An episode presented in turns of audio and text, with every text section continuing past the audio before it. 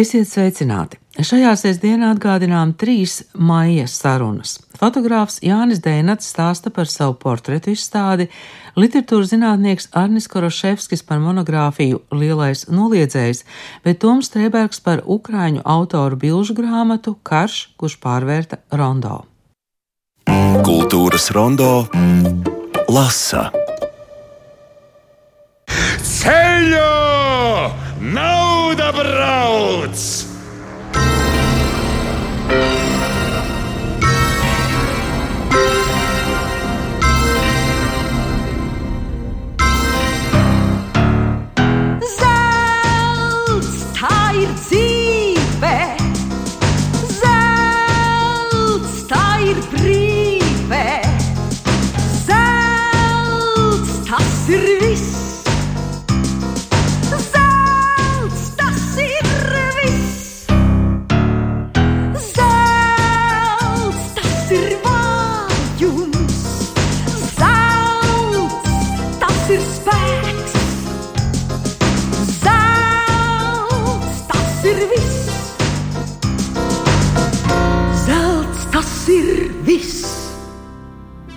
Tas ir viss.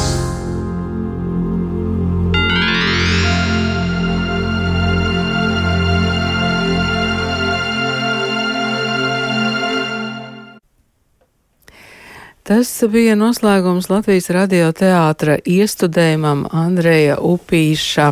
Zelts, un droši vien, tas ir būtisks darbs daudzo Andreja Upīša darbu skaitā. Bet eh, šodien studijā ir literatūras zinātnieks Arnis Koroševskis. Labdien! Labdien! Es jūs apsveicu ar tik apjomīgu darbu, monogrāfiju par Andreju Upīti, Lielais noliedzējs. Jums noteikti ir jautāts, eh, kur gan radies tāds nosaukums, eh, un jūs kādā lapas pusē to arī skaidrojat, bet kāds būtu tas īstais skaidrojums? Šāds jautājums noteikti radīsies vairākiem lasītājiem. Andrejs Upīts ir savā laikā iesācis rakstīt literatūra teorētisku apcerējumu ar nosaukumu Lielie noliedzēji, kur viņš aplūko dažādu tautu rakstnieku kā noliedzēju lomu, un viņš pats sevi arī saskata kā šo rakstnieku negatīvistu, un to mēs varam ļoti labi pamanīt arī lasot viņa darbus, jo galvenokārt viņš patiešām tiecis parādīt dažādas cilvēka rakstura negatīvās īpašības, dažādas negatīvās sociālās parādības. Nu, tur arī tas viņa kritiskais skatījums, arī viņa profesionālajā literatūra kritikā. Šis raksts, starp citu, nekad nav bijis publicēts, un tādēļ plašākam lasītāju lokam ir palicis nezināms. To upīts raksta 30. gadu sākumā. Jūs strādājat Andreja Upīša muzejā, un, kā jūs pirms tam saskaitījāt, ir jau desmitais gads. Sakiet, kas noteica to jūsu, varbūt tādu pirmatnēju interesi par Andreju Upīti? Kaut kādā ziņā tā varbūt bija nejaušība, jo skolas laikā bija jālasa, protams, visi šie klasiskie darbi, sākot ar stāstu sunu, sienu zēni, upīšu novelēm, kādu vēsturisko traģēdiju. Man arī tika vidusskolas izskaņā zaļā zeme, jo es mācījos humanitāras ievirzes skolā. Bet um, tad, kad es studēju Baltu filoloģijā, uh, literatūras zinātni, tad literatūras vēstures kursā bija jāizvēlas, par ko rakstīt. Viena no pēdējām biļetēm, kas bija palikusi uz galda, bija Andrejs Upīts, jo to laikam neviens cits negribēja ņemt. Un tad es atklāju upīti uh, pilnīgi no citas skatu punkta, jo bija jāraksta tieši par šiem viņa agrīnajiem naturālismu romāniem, kā tikko skanēja Zelts vai arī romāns Sieviete. Un tad es sāku pētīt upīti plašāk un sapratu, ka viņš ir tāds ļoti daudzpusīgs rakstnieks. Viņš nav tikai latviešu zemnieku dzīves aprakstītājs un fiksētājs, bet patiesībā viņš ir pilsētas autors. Jā, nu droši vien, ka šobrīd daudziem no mums atdzīvojas tā skolas gadu trauma, kas saistās ar zaļo zemi. Sunciem zēni tā varētu būt tāda priecīgāka pieredze arī izrādēs. Nu, un um, tad uh, varbūt uh, kāds pamana, ka filmas uh, pie bagātās kundzes pamatā ir upīšu darbs smaidošā lapa. Nu, un tad, protams, ir brīdis, kad mēs visi uzzinām par um, viņa rakstu bezsaules noriets, un, uh, un, un pa vidu, protams, ir ļoti daudz vēl kas cits, bet mm, Upītis ir, uh, ja var tā teikt, nērts autors. Viņš ir nērts vairāku iemeslu dēļ. Uh, par upīti ir grūti rakstīt, jo viņš visu savu dzīvi ir uh, ļoti pakārtojis tieši literatūrai. Viņš ir būtībā no sevis nošķīlis to personisko pusi nost. Un, ja, piemēram, mūsdienās mēs ļoti daudz zinām par Aņu un Aspazijas attiecībām, un, manuprāt, pēdējos gados pat varbūt viņu literārie darbi ir palikuši nostāk, bet tieši šī viņa korespondence un dienas grāmatu ieraksti ir zināmi.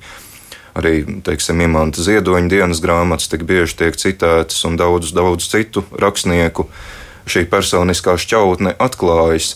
Bet upīts, piemēram, tikpat kā nav turējis savu dienas grāmatu. Viņam ir pāris piezīmi kladītas, bet tās ir aizpildītas ar kaut kādiem sadzīviskiem, nebūtiskiem sīkumiem. Nu, tā tad viņš ir veidojis to tēlu, ka viņš ir profesionāls rakstnieks. Un sarežģīts viņš ir arī, protams, garā mūža dēļ, jo upīšu mūžu būtībā iezīmē gandrīz gadsimtu Latvijas vēsturē. Tas iezīmē abus pasaules karus, četras vai pat piecas dažādas uh, politiskās varas Latvijā. Un uh, veidu, kā Upīts arī pats kā rakstnieks ir mainījies attiecīgos vēstures laikmetu griežos. Kā viņi ietekmē, piemēram, revolūcijas? Tas ir interesants jautājums, jo būtībā tas lūzums upītim sākas kaut kad ap 1907. un 8. gadu. Tas jau ir pēc šo soda ekspedīciju laika. Un Upīts, atšķirībā no daudziem citiem latviešu rakstniekiem, pats aktīvi nepiedalās revolūcijas notikumos, kā viņš savā autobiogrāfijā ir rakstījis, ka viņš tobrīd būdams skolotājs ar vijoles futrāli rokās stāv Rīgā uz ielas un noskatās uz, uz šo visu kustību un procesu. Bet uh, tas, acīm redzot, uz viņu tomēr atstāja iespaidu, un sākot ar šiem pēcrevolūcijas gadiem, viņš kļūst radikālāks. Uh, Viņš atsaucas ļoti daudz uz Jani Jansonu, padomu laikā saukt par Jansonu Braunu, kurš gan atšķirībā no Andreja Upīša neko daudz no literatūras nesaprot. Viņš literatūru tikai tādā politiskā aspektā aplūko. Bet Upīts no šiem gadiem sāka aizrauties ar marksismu un būtībā viņš sevi pozicionē kā kreiso autoru Tad pēc 17. un 19. gada notikumiem, kad Upīts mēģina atgriezties dzimtenē un tiek apcietināts, nu arī, protams, šis gadījums uz viņu atstāja lielu iespaidu, acīm redzami, jo tālākajos 20. gados mēs redzam, ka gan savā kritikā, gan arī oriģināla darbos viņš ir kļuvis krietni piezemētāks. Kaut kādā ziņā, manuprāt, tas arī tobrīd liecina par viņa kā autora briedumu. Bet, eh, nu, diemžēl, mainoties laikiem, un pēc 40. gada Upīts atkal saskata iespēju atgriezties tieši kā tādam sabiedriskam darbiniekam, un, diemžēl, viņš kļūst lojāls padomju varai. Man šķiet, ka tā būtu filmogrāfiska epizode, kā Upīts ar smilģi grib atgriezties Latvijā.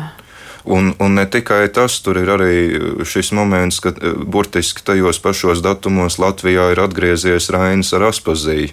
Un tad bieži šī citētā frāze, ka pa tām pašām ziedu kaisītām ielām upīts roku dzelžos tiek vests uz cietumu 20. gada aprīlī. Jā. Jā, ļoti dažādi rakstnieku e, likteni. Es gribēju jums lūgt, varbūt paskaidrot, tādus jēdzienus kā fizioloģija un ideoloģija, kas tiek zināmā mērā attiecināta uz upīšu darbiem.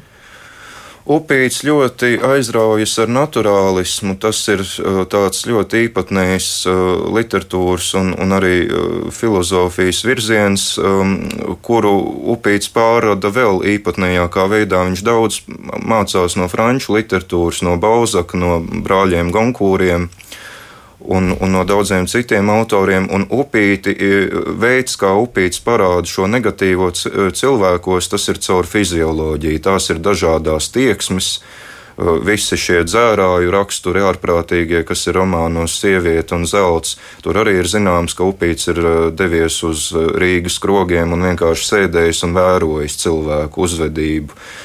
Un ar šo fizioloģiju, protams, ienāk arī tā mankārība pēc, pēc visa materiālā. Un upīts būtībā parāda to pretstatījumu, kā materiālā pasaule sagrauj cilvēku un, un, un cilvēku to um, garīgo pasauli.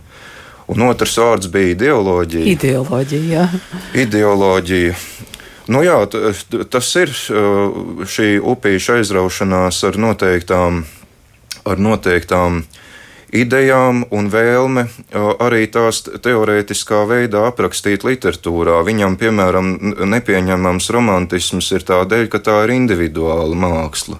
Un līdz ar to viņš tādā diezgan uh, skarbā veidā vēršas pret ļoti daudziem saviem laika biedriem, un viņš vēlas tikai šo sabiedrisko mākslu, kas ir realisms, un arī tur ir visas šīs apceres, ko viņš raksta tajā laikā, kad viņš ir um, Rīgā kā, kā deputāts, kad viņš ir izglītības komisariāta mākslas uh, nodeļas vadītājs un būtībā viens no strādnieku teātra pamatlicējiem. Uh, šīs idejas par proletārisko mākslu un, un kā tās tiks realizētas uz skatuves.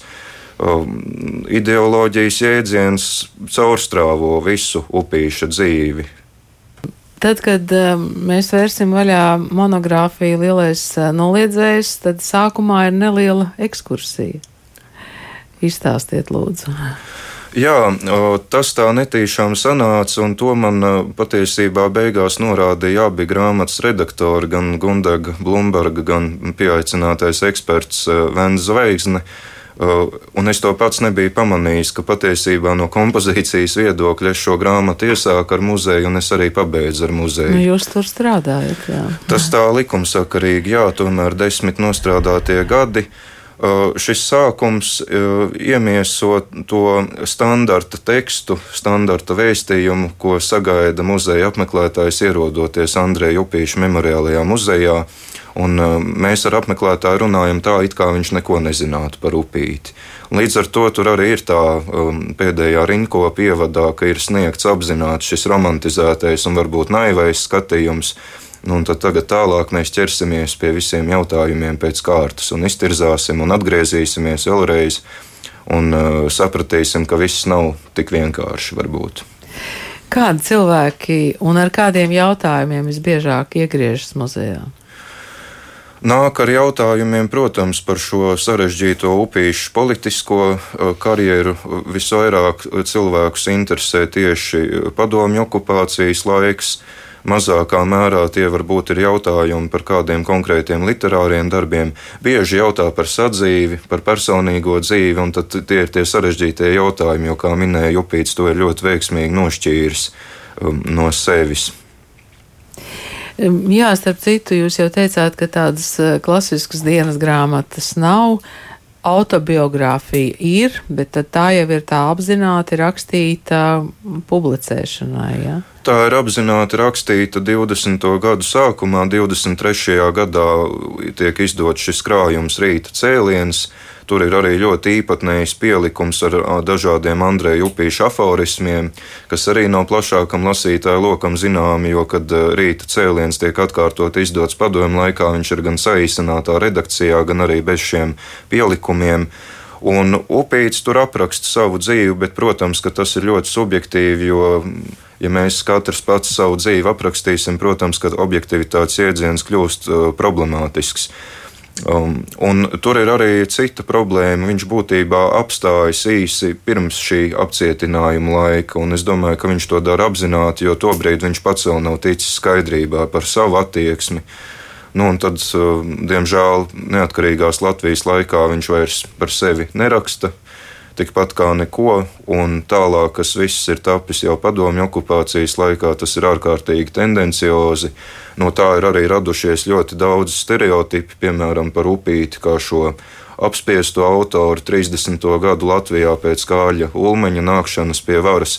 Un arī šajā monogrāfijā es tam esmu veltījis diezgan plašu nodaļu, kur ir mēģināts šos mītus graut ar noteiktām atsaucēm uz noteiktiem materiāliem. Jo padomju laikā tas tika pasniegts tā, ka upīts, būdams kā kreises autors, vispār ir atstāts bez iespējām publicēties vai rakstīt. Protams, ka šīs iespējas bija mazliet šaurākas, pārsvarā saistītas ar dažādu izdevēju darbību tajos gados. Bet Upīts pieņēma šo pseidonīmu Oļģerts Kurmis, kas vēlāk kļuva par konkrēto literāro tēlu konkrētā romānā un vēlāk ekranizācijā. Um, bet uh, savus oriģinālu darbus viņš varēja parakstīt ar savu vārdu. Un vēl jau vairāk uh, šī epizode, kas man ļoti patīk, Kārlis Ulmanis 30. gadu nogalē pasūta, uh, lai tiktu izveidota biogrāfiskā vārnīca ar nosaukumu Es viņu pazīstu par dažādiem latviešu ievērojamiem ļaudīm. Uh, Un alfabētiskā secībā Andreja Upīša vārds ir turpat blakus Kārļa Ulmaņa vārdam, un abiem veltīti pietiekami plaši šķirkļi nekāda cenzūra upīte būtībā tajos laikos nav skārusi. Un šī ir tikai viena no epizodēm. Monogrāfijā esmu pieskāries arī daudziem citiem stereotipiem, kas ir uzslāņojušies šajos gadu desmitos, un mēģinu viņus aplūkot. Bet tie stereotipi ir uzslāņojušies arī ideoloģisku apsvērumu dēļ, vai, vai tur ir bijuši dažādi apstākļi? Tur ir dažādi apstākļi. Nu, problemātiski ir arī teiksim, dažādas šīs laika biedra atmiņas, kuras nu, mēs gluži vienkārši nevaram pierādīt. Un, diemžēl ir gadījumi, kad vēl 70. gados tika sastādīts šis atmiņu krājums par Andreju Upīti. Tad, protams, tur upīts ir tikai tajā visgaišākajā gaismā celts, bet mainoties laikiem, Un to es arī parādu, kā mainās attieksme pret upīti atmodas laikā un vēlāk. Šīs liecības kļūst pilnīgi pretējas, un, un, un tad tur ir mēģināts upīti ielikt dažādās vēsturiskās situācijās. Dažas no tām, kā izrādās, arī nevar pierādīt un, un iespējams neatbilst patiesībai. Tā kā, protams, tas viss ir ļoti sarežģīti. Nu, droši vien, ka Andrejam Upītam daudzi nepiedod bez, bez saules norietu. Jā, Un, uh, parasti man jautā, nu, kas tad ir tas lielākais kauna traips upīšu biogrāfijā. Es teiktu, ka Uh, bieži tiek pārprasts, ka Upīts kā politiķis jau 19. gadā ir nodarbojies ar kaut kādām represijām. Nu, tajā laikā viņa darbība ir tikai vērsta uz kultūru, uz šo strādnieku teātru un citiem jautājumiem. Vēl jau vairāk pateicoties Upīšu vienam šim lēmumam, būtībā ir izdevies glābt mākslas muzeja krājumu, un arī šī epizode ir aprakstīta grāmatā. Tajā laikā mēs upītim neko daudz pārmest nevaram. Problemātisks ir viss, kas eh, sākot ar 40. gadu un padomju okupāciju. Nu, tātad pirmkārt upīša dalība eh, braucienā uz Maskavu šajā delegācijā, kas Un tieši tā tas arī tiek formulēts lūdzu Latvijas uzņemšanu Padomju Savienībā. Ir arī fotografija laikrakstā izvišķi, kur nu, viņi Maskavā atrodas e, šajā zālē, un, un tieši aiz muguras upītim sēž Staļins. Nu, tas no kompozīcijas viedokļa ļoti iespaidīgs kadrs. Jā, un uh, būtībā es uzskatu, ka Andrejam Upītam kā rakstniekam vajadzēja apstāties kaut kad otrā pasaules kara izskaņā, jo tad mēs kā pēdējos darbus būtu ieguvuši izcilo traģēdiju Spartaks, kas neskatoties pat uz tā laika politisko fonu, tas ir darbs ar paliekošu māksliniecisku vērtību, un arī romānu Zaļā zeme kurš iegūst otrās pakāpes Staļina prēmiju literatūrā un tiek atzīts par šo sociālistiskā realismu klasiku, bet tāpat laikā šis romāns uh, šim, uh, šai kategorijai neatbilst arī no mākslinieckā viedokļa ļoti daudzos brīžos. Tad viņam vajadzēja apstāties, jo būtībā viss, ko upīts dara pēc tam 50. un 60. gados, uh, tas ir vienkārši šausmīgi. Un citu vārdu te nevar atrast. Atbildot uz jūsu jautājumu par bezsaules norietu, arī tam ir veltīta diezgan plaša nodaļa. Par aizsākumiem, manuprāt, ir tas interesantākais jautājums, jo tur ir skaidrs, ka Arvīts Pelši mēģina upīti bīdīt tādā virzienā, lai viņš vērstos pret trimdas latviešiem. Ir pat viena vēstule citāta, citāta, kur viņš tiešā tekstā saka, nu, Andrej, vai tu varbūt varētu tomēr kaut ko uzrakstīt šajā sakarā. Uh, Un Upīts arī atbild, ka viņš ir pētījis trimdas autoru darbus, tiesa gan nu, ļoti selektīvi, jo pat tāda uh, statusa rakstniekam kā Upītim arī visas grāmatas nebija iespējams saņemt padomu Latvijā. Aizsāk viņš šo darbu rakstīt 60. gadu sākumā, tam seko vairākas publikācijas laikrakstā cīņa, un grāmata tiek izdota 67. gadā. Ļoti sasteigti tas viss notiek, jo uzstādījums ir tāds, ka šādai grāmatai ir jāiznāk uz rakstnieka 90. jubileju, kas tātad bija 67. gada decembrī. Nu, tur ir ļoti īpatnēja sadarbība ar redaktoru Ilmāru Īvertu, kurš, es domāju, lielā mērā ir šīs grāmatas līdzautors jo upīšu veselības stāvoklis tobrīd ir ļoti problemātisks, un ir arī skaidrs, ka uh, nu, šī teksta redakcija ir pamatīgi mainīta tajā beigu daļā. Nu, un, protams, monogrāfijā es arī apskatu to, cik uh, sāpīgi uh, šo darbu uztver nabaga trimdas autori, un, protams, pamatot, un jā, tā ir epizode, ko mēs upītim objektīvi mēs varam pārmest.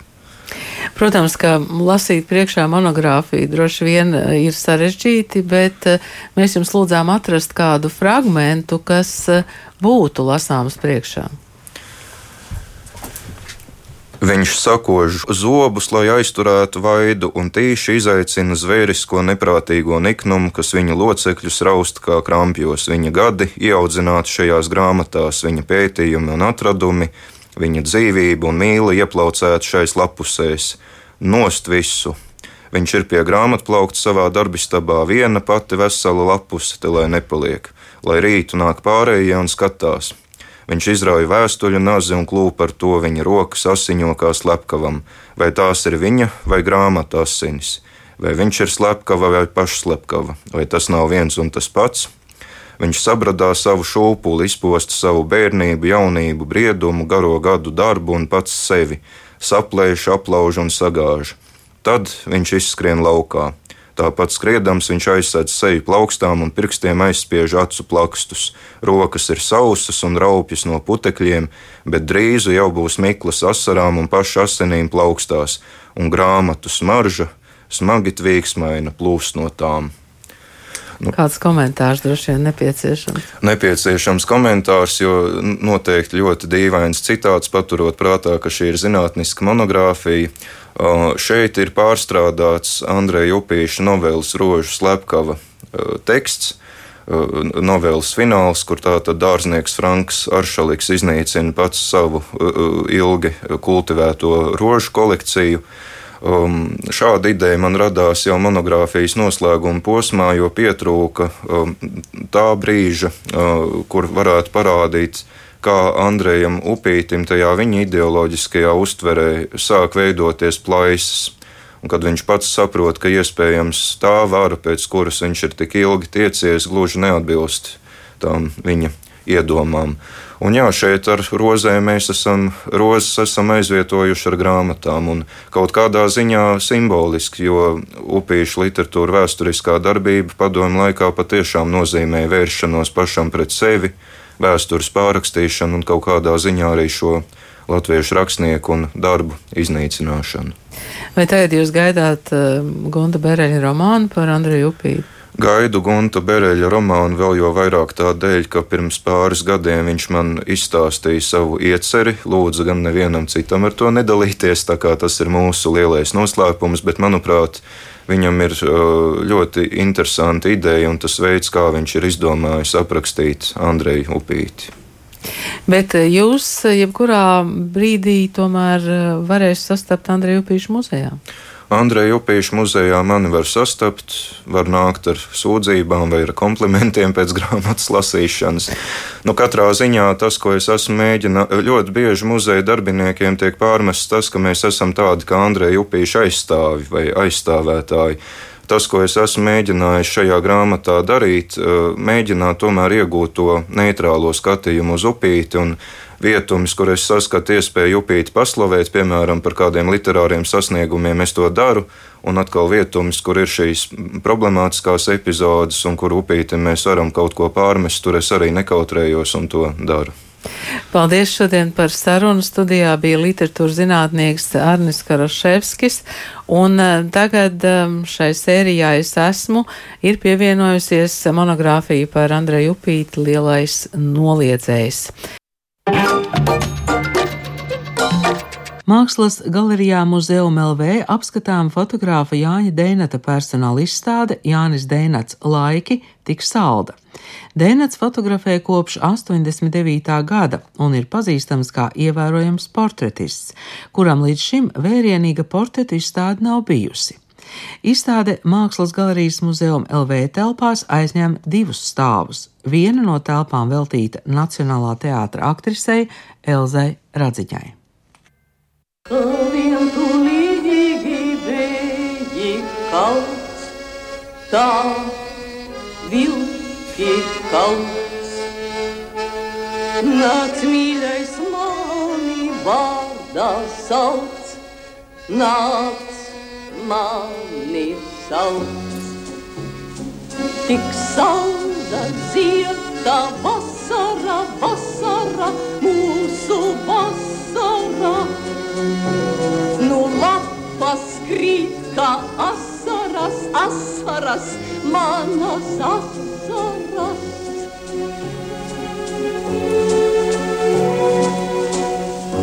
Vientulīga sievas raud, tā akmens raud. Nāc mīļais mani atkal skaut, nāc mani skaut.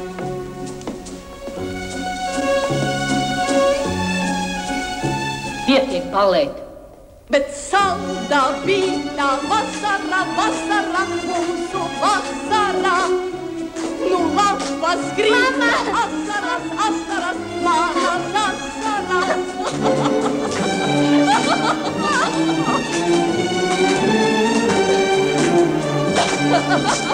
Tik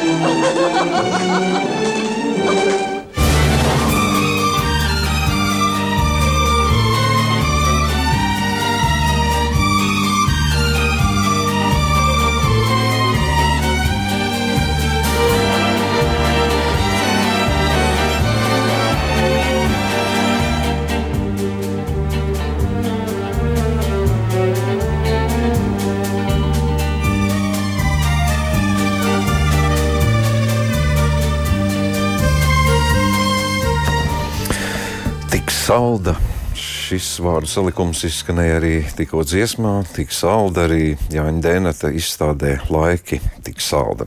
Fotogrāfs Jānis Dēnats šodien pie mums ciemos. Labdien, Jāni! Labdien! Es ceru, ka klausītāji mums piedos, ja mēs lietosim tu formu, jo nu, netiekamies pirmo reizi mūža garumā. tā varbūt tā vienkāršāk būs arī sarunāties, bet Nu, Jāni, es atļaušos teikt, to, to pirmais, kas man ienāca prātā, jau sākot skatīties to, paldies par iespēju vēl negatavo izstādi nedaudz aplūkot. Tā atcerējos no kinofilmas Zvejnieka dēls. Teica, te, garozi teica, te nu jūs visi man esat. Tik ilgi gaidītie portreti izstādē, nu, cik reizes esam runājuši, Jānis, ne, nu, klai nu kurš, bet viņa portreta izstāde, tas būtu notikums. Nu, tagad šis notikums ir jau klāt. Apzināties gājuši uz to nejaušību, kāda ir šī vēsture? Teiksim tā. Nē, nu es zinu, ka man portreti ir mana pamata nodarbošanās, tā teikt, maizes darbs. Jā, man viss krājās, bet līdz šim izstādes, kā saproti, atcerās cilvēki, es pozicionēju vairāk kā dabas fotogrāfs, dažādas citādas sērijas fotografēju, jo es tā iekšē vēl, vēl tam nebija gatavs, bet mākslas zinātniece zinātniece Diana Barčevska man tā regulāri tā kurināja, nu vajag uztaisīt to portretu izstādi, nu vajag viņa tā kurināja, kurināja, nu, nolēma, jā. Nu, nu, Salauza tevi. Jā, nē, nu, cita lieta, ka, ka tu saki, te jūs man visi esat fiziski. Man ir jāatvainojas varbūt kādam, kurš šķiet, ka viņam ir brīnišķīgs, labs portrets, un, bet viņi tur nav, jo tas fiziski nav iespējams uh, uh, telpās tik daudz izlikt. Elza Radziņa tikko mm, eksponējām muzikāli. Nu, jāizstāsta tas, tas stāsts. Protams, tie, kuri nav redzējuši, tie varbūt tagad eh, jautās, kāpēc tieši tiek izcelta Elza Radziņa. Nu, stāsts ir īpašs patiešām. Jā, es eh, jau izstādēju šai gatavojos un uh, mat, vācu materiālu, un darbojos ar arhīvu. Tad es atcerējos, kad es pirms pāris gadiem no, no savas darbnīcas Tallinas ielā pārvācos. Tieši vienu dienu es noslēdzu līgumu par telpām pirms Covid lockdown Andrejas salā un vedu savus no visus materiālus, tur savedu visas kaudzes, kastes saliku.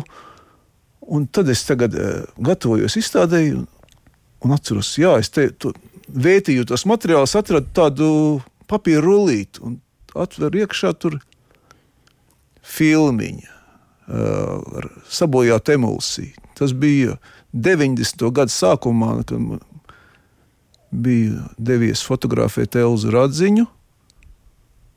Un uh, filmu attīstot, nu, es klāt nebiju, es nevaru pateikt, kas tieši notic, bet uh, emulsija.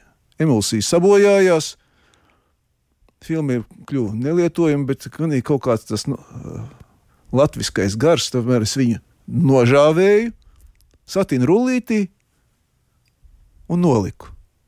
Un tagad, eh, pārvācoties no vienām telpām uz otru, es atrodu to un atkal nolieku. Un tagad, eh, kad gatavojoties izstādē, es meklēju, kur viņi, vi- tas var būt interesanti. Kur viņi varētu būt? Es, pavadīju, es pavadīju ārkārtīgi daudz laika, atraudu, un atrodot, atrodu un ieskanēju. Un uh, es nezinu, tāds, kā to nosaukt. uh, Šoks, ne šoks. Tas, nu, kā angliskais, ir, ir tāds serendipity. Ir tāds, kā tas ir uh, atradis to, bet ne to, bet, eh, bet kaut ko interesantu, kaut ko tādu. Tas, un tas ir jāredz. To ar vārdiem bildes nevaru pārstāstīt. Bet Jā. šajā, bet šajā, Jā, un tas, tas, tas, un tas ir viss tas stāsts. Un uh, paiet laiks, un nu, sākas, tas viss notiek uh, februārī. Viss sākas šis karš, ko mēs visi zinām, ka no, noskaņojums ir vaiprātīgs. uh, Es, nu, man tā, tā izstādes plānojums, nu, es domāju, nu, nu, tas ir smieklīgi tagad taisīt uh, kādu izstādi. Nu, nu, ne, ne, nu, nevi- nekādas noskaņojuma nav. Un es tad uh, vienā, brī, vienā brīdī es rāmu ar papīru iesit.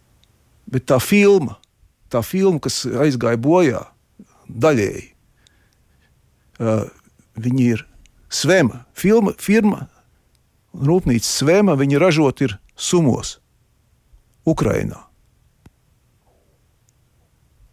Un vēl kā, pēc kāda laika man, man ir jāapraksta šis materiāls, verbālais, atver Elsa radziņu.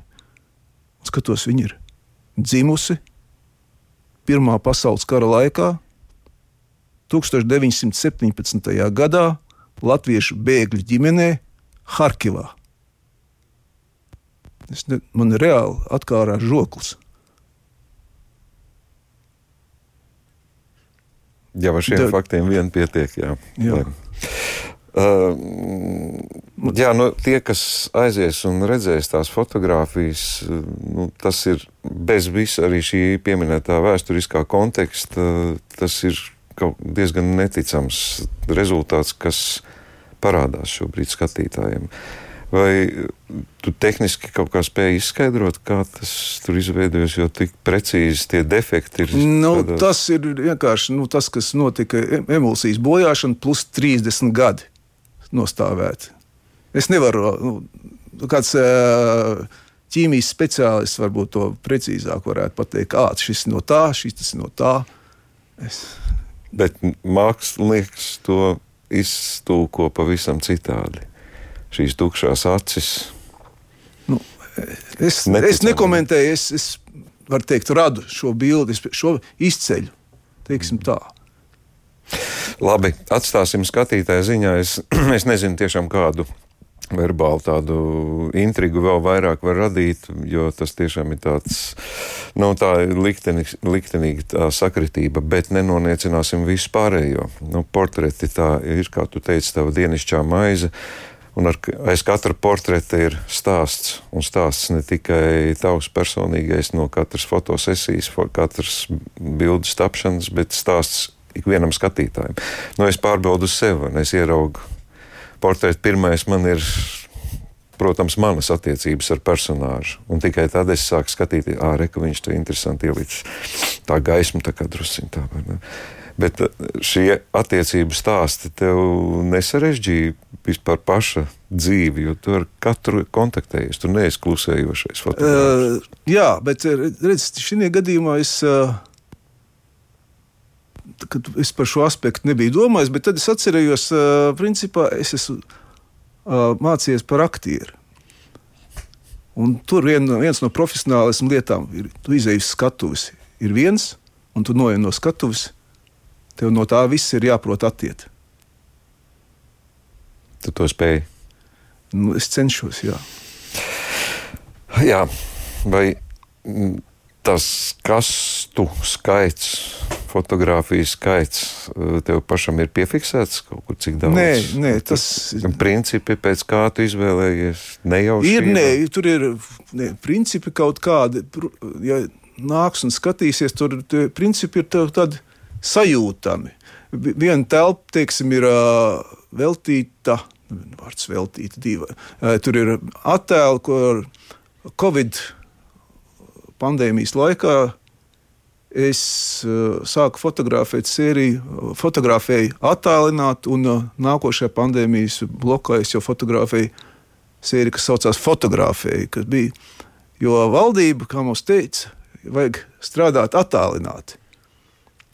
Un tad es padomāju, nu, bet, eh, ko man darīt? Un es sapratu, jā, es fotografēju jo šie- Es uh, fotografēju uh, cilvēkus tajās vietās, aptuveni, kur, kur viņi vai tur brīdī atradās, vai pie darba, vai pie mājas. Mēs izgājām, ārā, un es viņu distancēti arī fotografēju. Tas ir nu, tāda uh, nu, jā, liela improvizācija. Liela improvizācija. Respektīvi, šis eh, īpatnējs laiks ienes arī Jā. zināmas korekcijas ar pluszīmi arī tavā dēļ. Jā, un, nu, un otrā, otrā, otrajā pandēmijas vilnī, kas bija, kad jau nu, mūsu žanrs tas diezgan nu, nospiedošos stāvokļos, jo mēs esam ļoti saistīti ar, ā, ar kultūras dzīvi, kur bija ā, arī nu, ļoti samazināta, ļoti reducēta. Un tad otrā, otrā vilnī es ar, arī šo turpināju šo sēriju, bet jau ar nosaukumus ir fotografija, principā ar to, ka, ka es vispār esmu, bet uh, attēli jau kļuva caurspīdīgi. Visi šie cilvēki jau, jo mūsu ikdienas pierastā komunikācija bija, bija zudusi, mēs pēc, pēc, viens, priekš, viens priekš otrā jau sākām pazust. Tāpēc ir šie caurspīdīgi attēli. Tas, tas būs redzams uh, vienā telpā. Citā telpā ir ar, uh, attēli ar jaunā Rīgas teātra aktieriem, jo ar šo teātri es esmu ikdienā uh, saistīts. Es fotografēju teātrim, arī viņiem ir atsevišķa telpa. Nu, vēl tur ir daudz citu telpu. Nāciet, skatieties! Lai nepaliek Jā. tā, ka Jā. nepiemina kādu svarīgu cilvēku. Portretos mēs to nevaram izdarīt, bet eh, vakar ieejot, eh, apskatīt vēl topošo izstādi, es redzēju, ka strādā diezgan daudz cilvēku. Kur ir tie cilvēki, kas tev ir Jā, es, palīdzējuši? es strādāju, teiksim, tā, nu, mana uh, dzinēja, mākslas zinātniece Diana Barčevska. Teiksim, tā, tur rokas pulsu un uh, izstādi iekārtojot uh, man lielu, lielu palīdzību sniedz uh, scenogrāfa Anna Henriksona, kas ir ar, ar kopīgi ar viņu veidojam šo tieši. Viena lieta ir fotografijas, otra lieta ir izvietojams telpā, ko diezgan īs, īsā laikā ir jāspēj izdarīt, tas tiek, tas tiek veikts jā, ar palī, palīgiem cilvēkiem. Protams, arī vēl daudz cilvēku, kas pieliek fiziski rokas vai otrs. Vai, vai, vai meistari, kas ir radījuši nu, fiziski šīs fotogrāfijas, jo teiksim, attālinātās fotogrāfijas ir, at, viņas jau iecerētas, domā, ir lielas, viņas ir 1,30 m tādā, tādā izmērā. Izstāde Jānis Dēnats laiki tiks salda apskatāma Mākslas galerijas muzeuma LV telpās līdz 9. jūlijam.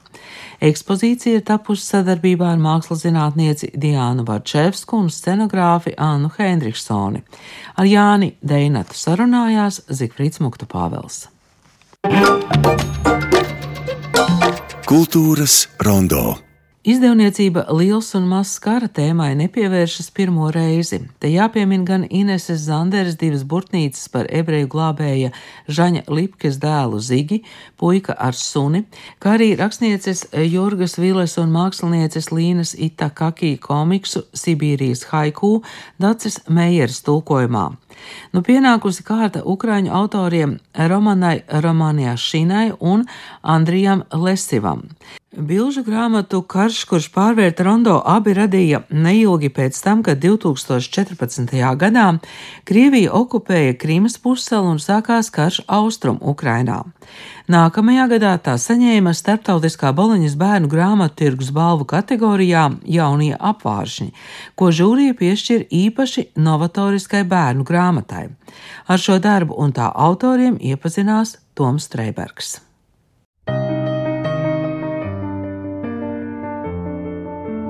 Skaistajā dziedošo puķu pilsētā Rondo valda gaisma un krāsas, taču karš atnes iznīcību un tumsu. Trīs draugi, mazais spīdeklītis Danko, balons sonīts Fabians un papīra putns Zvaigzne, šajās briesmās šķiet trausli un bezspēcīgi, tomēr nepadodas, atklājot efektīvu aizsardzību pret kara tumsu, gaismas spēku. Ar visu rondo iedzīvotāju palīdzību Danko Zvaigznes un Fabians uzbūvēja milzīgu gaismas mašīnu, kas izkliedē tumsu un aptur karu. Visi ienākumi, kuri tiks gūti par grāmatu Karš, kurš pārvērta rondo, tiks novirzīti labdarības mērķiem Ukraiņas atbalstam. Tāpat arī visi procesā iesaistītie, tostarp tulkotājs Dzenieks Māris Salējs, izdošanas darbu veids brīvprātīgi. Par iepazīšanos ar abiem autoriem Romanu Romanīšinu un Andriju Lesivu stāsta izdevniecības liels un mazs vadītāja Alīsa Nīgale. Pirmo reizi mēs iepazināmies Boloņā, un toreiz grāmatiņas zvaigznes un magoņu sēkliņas bija arī saņēmusi bāvu, un tas bija 14. gads. Un tas, protams, bija ļoti zīmīgs gads, un jau visiem bija kamols kaklā, bija, bija skaidrs, ka Krimā kaut kas tūlīt sāksies. Un jā, toreiz tā, kā, nu, tā grāmata arī likās tāda pārsteidzoša ar to, kā viņi tur savieno dizainu bērnu grāmatā ar, ar kaut kādām filozofiskām pārdomām un, un tēmām. Un pieskarās tajā grāmatā arī autismu tēmai nosacīti. Nu, un tad šī grāmata iznāca pēc tam, bet tajā brīdī uzreiz kaut kā mums. Uh, Likās, nu, ka varbūt nevajag, vai kaut kas nu, tāds arī pārāk bija ātri. Pārāk ātri, varbūt, jo 15. gadā viņi arī iznāca, arī saņēma Boloņas balvu, to, ko šogad Laivas bērni saņēma to pašu šī grāmata savulaik. Uh, Nu, kaut kā tā, un tad mums tā draudzība attīstījās arī ar šo izdevniecību, arī Ļevu. Tiesību direktors ir arī mūsu aģents, kurš pārstāv liels un mazs Āzijas tirgu. Kā mēs sadraudzējāmies ciešāk, un, un tā sadarbība ar šo vienu cilvēku kļuva tāda intensīva. Un tad mēs izdevām divas citas šo autoru grāmatas, kas mums likās arī ļoti interesants pieejams, kā izziņas grāmatu padarīt tādu faktiski par bilžu grāmatu un, un tādu dizaina priekšmetu. Visādā ziņā tas ir skaļi klusu čukstus. Tā es redzu, kas divas grāmatas, kas arī ir latviešu. Nu, tagad, kad sākās karš pilnā apjomā, mums šķita, ka, jā, nu, ka ir tomēr laiks arī šai grāmatai. Un savā ziņā mūsu varbūt tieši šādā veidā izdot to grāmatu pamudināja arī mūsu kolēģis Norvēģis izdevējs Magikon. Jo arī Norvēģijā šī grāmata iznāks kā labdarības projekts ar tādu pašu principu. Viņa, tā ideja likās ļoti forša, un arī visi partneri, Jāgauts, tipogrāfija, arhitekta Pēpera un Tālis, kas iedeva papīru. Visi atsaucās, visi bija mieru. Mārcis Kalējs bija gatavs, nesoties uz visiem saviem piedegušajiem deadlineiem, aši, aši bez atlīdzības iztulkot arī šo stāstu. Un tā tas tapa, un man liekas, ka tas ir arī labs veids, kā tiem, kas varbūt šaubās vai vajag vienkārši ziedot Ukraiņas atbalstam, tad nu, viņi ir tā dubulti ieguvēji. Viņi iegūst grāmatu, kas var palīdzēt bērniem varbūt izprast vai ar bērniem sarunāties par to, kas notiek Ukraiņā un pasaulē. Bet tāpat laikā grāmatas pirkums ir šis ziedojums. Cik veiksmīgi Alīsas prātā grāmatas bērniem šobrīd kalpo par izziņas ieguvi, par tik jēdzieniski sazarotu un praktiski smagu tēmu kā karš. Kā pirmo piemēru Alīse nosauc Jurgas Viles un Linas Itakagī komiksu Sibīrijas haiku. Visvairāk par Sibīrijas haiku ir tās atsauksmes par to, ka ir šī grāmata ir palīdzējusi izrunāt gan dzimtes vēsturi, gan valsts vēsturi. Gan, jā, kā, tiešām atvieglojusi varbūt daļai ģimeņu vai varbūt arī pedagogiem to salīdzinoši smago daudzslaņāno tēmu pārunāt. Tā, nu, tas ir, protams, Sibīrijas haiku autoru. Absolūts abrīns vērts darbs ar to, cik nu, par smagu tēmu tomēr gaišā sajūtā var uzrakstīt. Un, un tas jā, nu, noteikti. Un arī par puiku ar suni. Jā, tās atsāksmes, protams, ir par to, ka beidzot ir kaut kas, kas palīdz runāt un, un pārunāt. Kā, jā. Mēs arī turpināsim to līniju. Mums tūlīt būs vēl tāds um, jauniešu komiks Kinderlanda, kas ir vācu komiks, kur puiku dzīves notikumiem fonā ir Berlīnas mūra krišana. Mums ir iecerēts arī franču komiks par holokaustu un, un jaunu meiteni Tā kā ir tās tēmas vēl, un, jā, nu, protams, Ines plāno arī pabeigt puiku ar sunu līdz galam trešā daļa gaidām. Tā kā tās vēsturiskās tēmas un, un Bet nu, šī grāmata varbūt ir tāda fantāzija. Viņa atsaucas un neatsaucas uz reāliem notikumiem. Un, varbūt ir tāda alegoriska vairāk. Jā. Un vēl mums ir arī tāda iecerība izdot Andrē Letrijas grāmatu Karš, kas ir tāda poetiska bilžu grāmata. Bet, tā ir no Portugāles. Jā. Mums bija grāmata, ja es būtu grāmata kas ir arī šī. Andrē Letrija ir ilustrātors, viņa tēvs Žozē Letrija. Žoržī Žozē Letrija ir uh, dzēnieks, un viņi kopā rada grāmatas. Viņiem ir tāda ļoti, ļoti skaista, bet arī ļoti trāpīga. Romana Romanīšina un Andrijs Lesevs ir vīrs un sieva. Abi studējuši Ļuvijas Mākslas akadēmijā, un tur arī šobrīd dzīvo. Jau 15 gadus strādājot gan par savu, gan citu autoru grāmatu dizaineriem nodibinājuši savu radošo studiju Agrafka.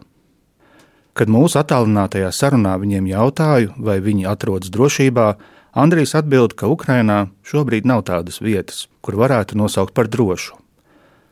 Aizvakar abiem bija jāsteidzas uz bumbu patvērtni, jo Krievijas armija Ļuvivai veica raķešu uzlidojumu. Tomēr, salīdzinot ar citiem Ukraiņas reģioniem, kur kaujas notiek vissīvāk, situācija Ļuvivā esot vērtējama kā daudz maz pieņemama. Naktis mēs pavadām savas mājas gaitenī, jo tā ir salīdzinoši visdrošākā vieta, ja atrodas starp divām sienām attiecībā pret ielas pusi. Mēs dzīvojam Ļuvijas centra rajonā, kur lielākā daļa namu ir simt vai pat vairāk gadu veci, un gaitenis tajā šobrīd ir visdrošākā vieta, kur pārlaist nakti. Yes, the... Otra iespēja, kur pavadīt nakti, būtu pagrabs, bet tas tomēr ir daudz bīstamāk, jo pagrabam ir tikai viena ieeja. Ja mājai trāpa raķete un tā sabrūk, tu esi ieslodzīts. Tā kā visdrošāk tomēr ir palikt gaitenī starp divām sienām. Mums ir arī sakrāmētas ārkārtas gadījuma mugursomas ar visu nepieciešamo, ja nu piepeši būs jāevakuējas. Abiem grāmatas autoriem jautāju, kā pie viņiem nonāca tās galvenie tēli - mazais spīdeklītis, balons sunītis un papīra putns. Piebilstu, ka trīs draugu komplekts literatūras klasikā ir ļoti efektīva kombinācija, atceroties kaut vai Remarka trīs draugus, Džeroma trīs vīrus laivā un galu galā Dimā trīs muskatierus. Really Remark, because... Ļoti jauki, ka jūs pieminējāt Eriku Mariju Remarku, jo viss, kas mūs konstituē kā māksliniekus, visas mūsu izpausmes ir iesakņotas mūsu lasīšanas pieredzē. Tādējādi šī sanāk jauka paralēle ar Remarka trim draugiem. Vēl kas interesants ir arī skaitlis trīs, kā tā būtībā jau ir sabiedrība. Divi ir par maz, vai ne? Taču trīs jau kā reizi tin labi der. Are not enough, but three is just the right amount. Like the... Jā, tas ir pats vienkāršākais sabiedrības modelis. Also, what is, uh, the most important Būtiskākais, kas šos trīs varoņus raksturo, ir tas, ka viņi ir veidoti no ļoti trausliem materiāliem. Tādējādi viņus ir ļoti viegli iznīcināt vai ievainot.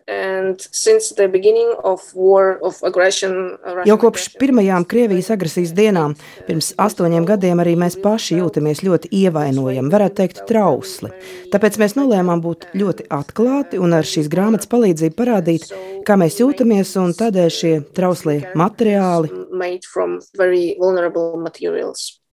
Stikls, papīrs un balons. No our... Un tomēr šie trīs draugi nepārstāja cīnīties, gluži tāpat kā mūsu tauta, kura cīnīsies līdz galam. Lai arī cik kāds no mums būtu, varbūt trausls un ievainojams. Mēs gribam aizsargāt savas mājas, gluži tāpat kā grāmatas varoņi grib aizsargāt savu pilsētu. Grāmatas stāstā ļoti svarīga loma ir gaismas tēlam.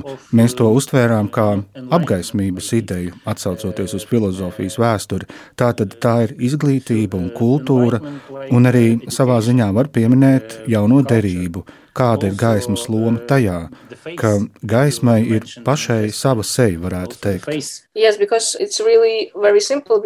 Jā, un te ir vienkārši līdzība, kad tu saskaries ar kāru aci pret aci. Pirmā grāmata, pēc kuras tu intuitīvi pasniedzies, ir Bībele, jo neko citu tu šādos apstākļos nespēji palasīt. Cīņa starp gaismu un tumsu, manuprāt, ir visvecākais stāsts cilvēces vēsturē, un tas caurstrāvojas arī caur svētajiem rakstiem, īpaši veco darību. Uh, Fight, uh, actually, uh, really, Jā, cīņa starp labo un ļauno, pilnīgi aizvēsturisks sižets. Uh. Un nekas jau nav mainījies arī šobrīd. Jāatzīst, ka mēs visu uztveram sāsināti. Varbūt tāpēc arī ir vēlme runāt šādos lielos, apjomīgos veidos. Taču šis stāsts ir arī ļoti nozīmīgs simbols, kurš simbolizē vienotību, kopību, tāpat arī neatlaidību, centību, izglītību, mūziku, kultūru, savas himnas dziedāšanu un tā tālāk un tā joprojām. Tādējādi mūsu grāmata ir kā tāda liela metafora par šo seno stāstu. Metaphor core of this story.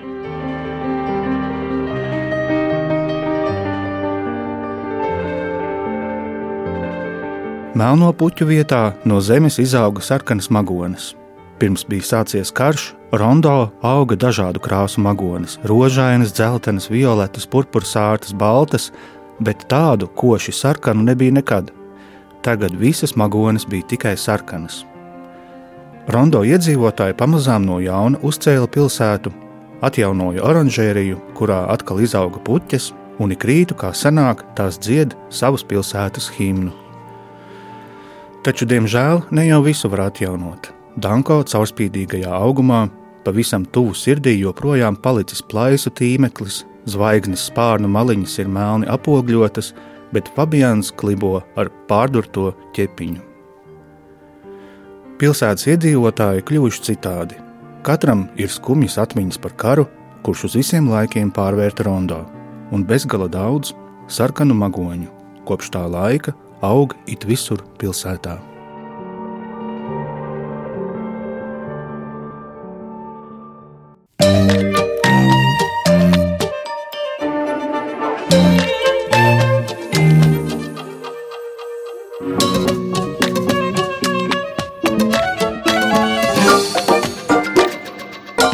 Kultūras rondo.